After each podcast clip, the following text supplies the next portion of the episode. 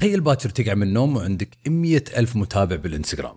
شنو راح تسوي؟ وشلون راح تحول هالمتابعين إلى عملاء وإلى زباين؟ هذا موضوع حلقة اليوم. دردشة بالسيارة. استثمر في نفسك. ابدأ تعلم وطبق تغييرات بسيطة نتائج كبيرة. يا هلا بال tycoon حياك الله ويعطيك العافية. شلونك؟ شو أخبارك؟ أدري والله أدري إن من زمان ما سجلت حلقة دردش بالسيارة بس والله وايد وايد وايد مشغول. بعد الزواج تونا سكننا ببيت وأثاث ولوية والصبغ واليهال وكل هالأشياء قاعد تصير وبنفس الوقت تغييرات وايد قاعد تصير معنا بشركة باندا ميديا إن شاء الله كلكم راح تعرفون عنها بالاسابيع القادمة إن شاء الله. فهذا ليش اختفيت حق أسبوعين بس إن شاء الله رادين بقوه بحلقة اليوم إن شاء الله راح نتكلم عن شيء أهم من المتابعين بالإنستغرام لأن لاحظت إن في وايد وايد وايد ناس يبون بس متابعين بالإنستغرام وهذا أهم شيء ولا أهم شيء يركزون عليه بحسابهم بالانستغرام التفاعل اللايكات المشاهدات المتابعين هذه الأشياء مهمة بس في أشياء وايد وايد أهم وهذا موضوع حلقة اليوم. أذكر تقريبا قبل سنتين ثلاثة أول ما بديت حسابي بالإنستغرام وكان عندي مشروع آه، life coach كنت life coach قبل بعد سنتين ثلاثة تقريبا خمس سنين ولا ست سنين. ولو تنزل بحسابي بالإنستغرام تحت راح تشوف إني أنا كنت life coach وكنت أحط وايد كذي آه، يعني quotes بالإنجليزي وأكتب أشياء تحفيزية وكل هالأشياء. وكنت دائما أركز على المتابعين وأبي يزيدون متابعيني. وكان المحتوى كله اللي بحسابي بالإنستغرام بالإنجليزي. وكنت أسوي إعلانات وكنت أسوي فيديوهات وما كنت أشوف المتابعين يزيدون كلش. وكنت دائما أقول شنو اللي قاعد يسوونه منافسيني عشان حساباتهم تزيد المتابعين وأنا بحسابي مو قاعد يزيد. ما أدري شنو كانت المشكلة. وأذكر أبوي كان دائما يقول لي عيد ليش قاعد تسوي محتوى بالإنجليزي؟ أنت عايش بالكويت أنت كويتي. أغلب الناس اللي عندهم مشاريع هني يتكلمون عربي. ليش قاعد أتكلم بالإنجليزي؟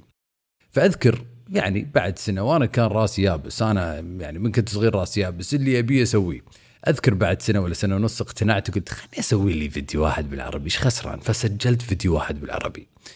وحطيت الفيديو بالإنستغرام. وبيوم وليلة زادوا متابعيني ألف متابع. بيوم وليلة. قعدت يوم اللي وراي وقلت حق أبوي أبوي طبعا دائما صح أنا ما أسمع كلام أبوي بوايد أشياء بس صراحة أبوي كل ما بعد سنين كذي بعد خمس سنين بعد عشر سنين أقول لي والله أبوي صراحة كان كلامه صح المهم بعد ما حولت عربي حسابي بالإنستغرام كبر بشكل سريع المتابعين زادوا بس المشكلة الثانية اللي حصلت إنه بعد ما يزيدون متابعينك شنو راح تسوي؟ شلون راح تحول هالمتابعين إلى عملاء؟ صح؟ وهذا سؤال وايد وايد مهم لأن أغلبنا نركز على المتابعين متابعين متابعين. وعبالنا إن إذا زادوا متابعينا راح تزيد مبيعاتنا وهذا شيء غلط. ما أعتقد إن هذا الشيء صحيح لأن أنا اشتغلت مع آه، مؤثرين بالسوشيال ميديا اللي عنده 500 ألف متابع واللي عنده مليون متابع وأغلبهم ما عندهم مشاريع ولا ما عندهم طريقة واضحة إنهم يقدرون يحولون المتابعين إلى عملاء. فقاعدين يواجهون مشاكل في المبيعات وما عندهم طريقة واضحة إنهم يحولون هالمتابعين إلى عملاء. وفي الصوب الثاني تشوفون ناس ما عندهم وايد متابعين عندهم يمكن 5000 10000 15000 20000 يسمونهم micro influencers. فعندك ال macro اللي هم الكبار وعندك المايكرو اللي هم الصغار. ال micro influencers الصغار صار تأثيرهم أكبر من ال macro influencers. ليش؟ لأن احتمال كبير إن ال macro الكبار جمهورهم من كذا فئة. يعني يتابعونهم ناس تحب الرياضة ناس تحب الأكل ناس تحب السفر وكل هالأشياء. فيكونون مختلطين ومن جميع الأعمار.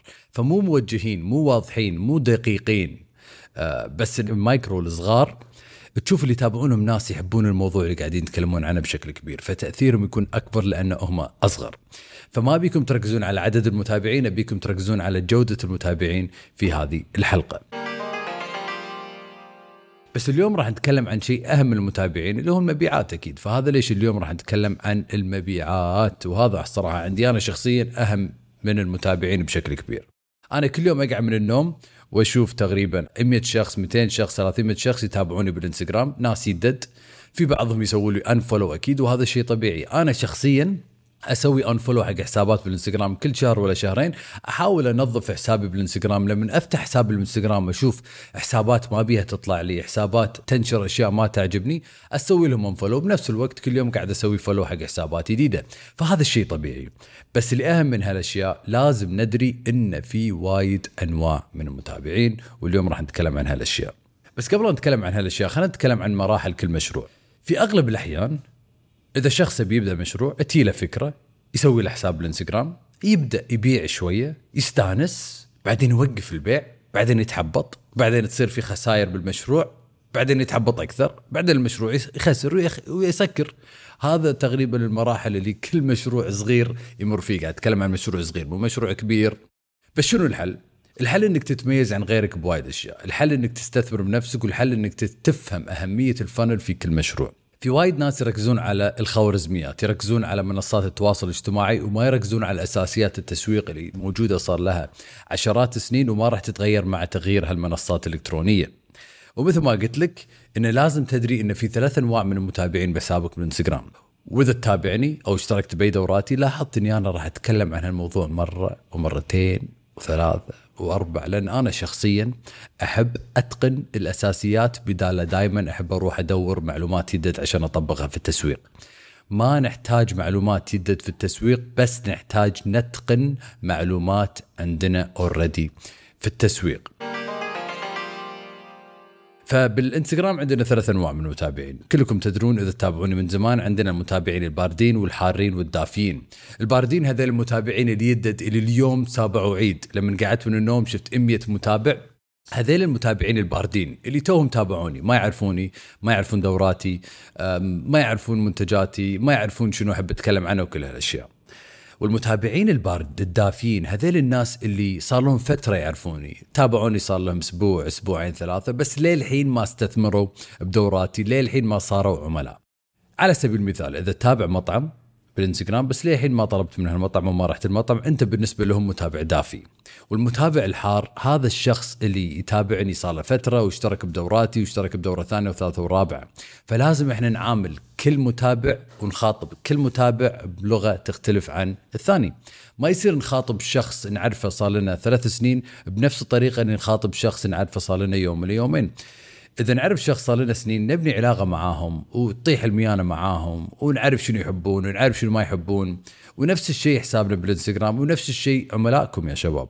إذا الشخص يتابعكم ويساندكم ويحبكم ويشتري كل شيء تسوونه ما يصير تخاطبونه وتعاملونه نفس الشخص اللي توه تعرف عليكم. فهذا جزء عشان تحولون المتابعين إلى عملاء لازم تخاطب كل نوع من المتابعين بطريقة معينة. الجزء الثاني إن نفهم إن في شيء اسمه funnel بالتسويق، إذا اتقنا ال funnel المتابعين راح يجون. يعني المتابعين راح يكون by-product من حملاتنا الإعلانية. إذا عندنا فنل مربح واعلانات شغالة وقاعد نوصل حق جمهور جديد كل يوم ناس راح يتابعونا بالإنستغرام. بس هم في شغلة ثانية لازم نعرفها. لازم حسابنا يكون جاهز عشان نعطيهم سبب يتابعونا. لازم نعطيهم سبب يتابعون حسابنا بالإنستغرام. هل حسابك بالإنستغرام مفيد؟ أو بس في صور منتجاتكم؟ هل حسابكم بالإنستغرام مفيد؟ وقاعد يفيد المتابع قاعد تعطونه السبب أو بس قاعدين تبيعون وتبيعون وتبيعون؟ هل قاعدين تستخدمون التسويق والمحتوى؟ أو بس قاعدين تبيعون؟ هل قاعدين تستخدمون مبادئ التأثير الستة اللي اتكلم عنها بكل دوراتي؟ أو بس قاعدين تبيعون؟ أحد هالمبادئ التأثير الستة اللي لازم موجودة بحسابنا بالإنستغرام عندنا. دليل اجتماعي بالإنجليزي يسمونه social proof عندنا credibility اللي هو السلطة عندنا الالتزام اللي هو ال commitment عندنا بعد شنو؟ آه مبدأ النقص اللي هو ال scarcity عندنا مبدأ التبادل اللي هو ال reciprocity. وعندنا وايد وايد مبادئ لازم نعرفها. وطبعا مبدأ الإقبال إن الناس تحبك وتتقبلك. ففي وايد مبادئ عشان إحنا نتأثر ونشتري أي شيء أو حتى مو بس نشتري نتأثر من شخص. يعني حتى الناس اللي لهم بالسياسة مثل ال politicians ولا الدبلوماسيين ولا ال president ولا كل هالأشياء الحكام العالم دائما يستخدمون هالمبادئ عشان يأثرون على العالم. ويأثرون على الناس اللي دار مدارهم ويأثرون عليهم يخلونهم يسوون الشيء اللي يبونه. وعلى فكرة يا تايكون تدري إنك تقدر تستخدم هالمبادئ؟ حتى لو كنت أبو مع عيالك تقدر تستخدم هالمبادئ مع ربعك. وطبعا لازم تستخدمها بطريقة اثيكل يعني ما يصير تروح تقص عليهم ولا تستغلهم بهالمبادئ بس هالمبادئ وايد وايد قوية.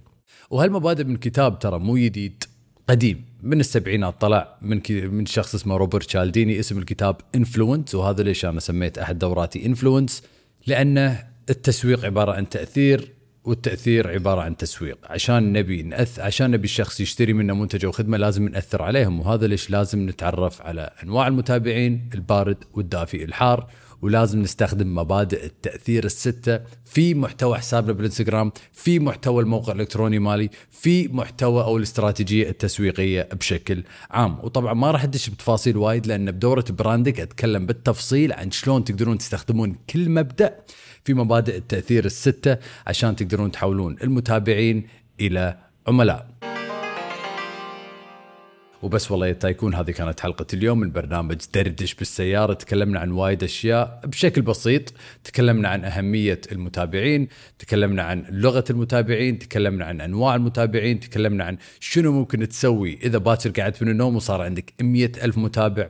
وآخر شيء تكلمنا عنه مبادئ التأثير الستة. إذا عندك أي سؤال بخصوص دورة brand ك أو بخصوص أي دوراتي تقدر تتواصل معي على الخاص بالإنستغرام وإن شاء الله راح أجاوب على أي سؤال عندك. وإذا حاب تشارك هذه الحلقة في حسابك بالإنستغرام وتسوي لي mention أكون شاكر لك أو ممكن تشارك الحلقة مع أي شخص تحس إنه راح يستفيد بشكل كبير من الحلقة ويعطيك ألف ألف ألف عافية على وقتك يا tycoon. وإن شاء الله نشوفك بالحلقة الجاية من برنامج دردش بالسيارة.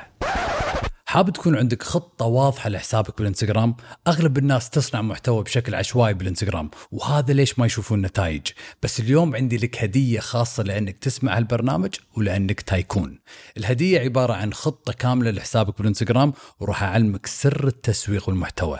وطبعا الهدية مجانا عبارة عن جدول تطبعه وملف ثاني تسمعه. كل اللي عليك تسويه إنك تروح موقع عيد PDF dot com E I D PDF dot com وراح تاخذ الهدية على طول. مرة ثانية E I D PDF dot com الرابط بعد موجود بحسابي بالإنستغرام بال bio. بالتوفيق إن شاء الله.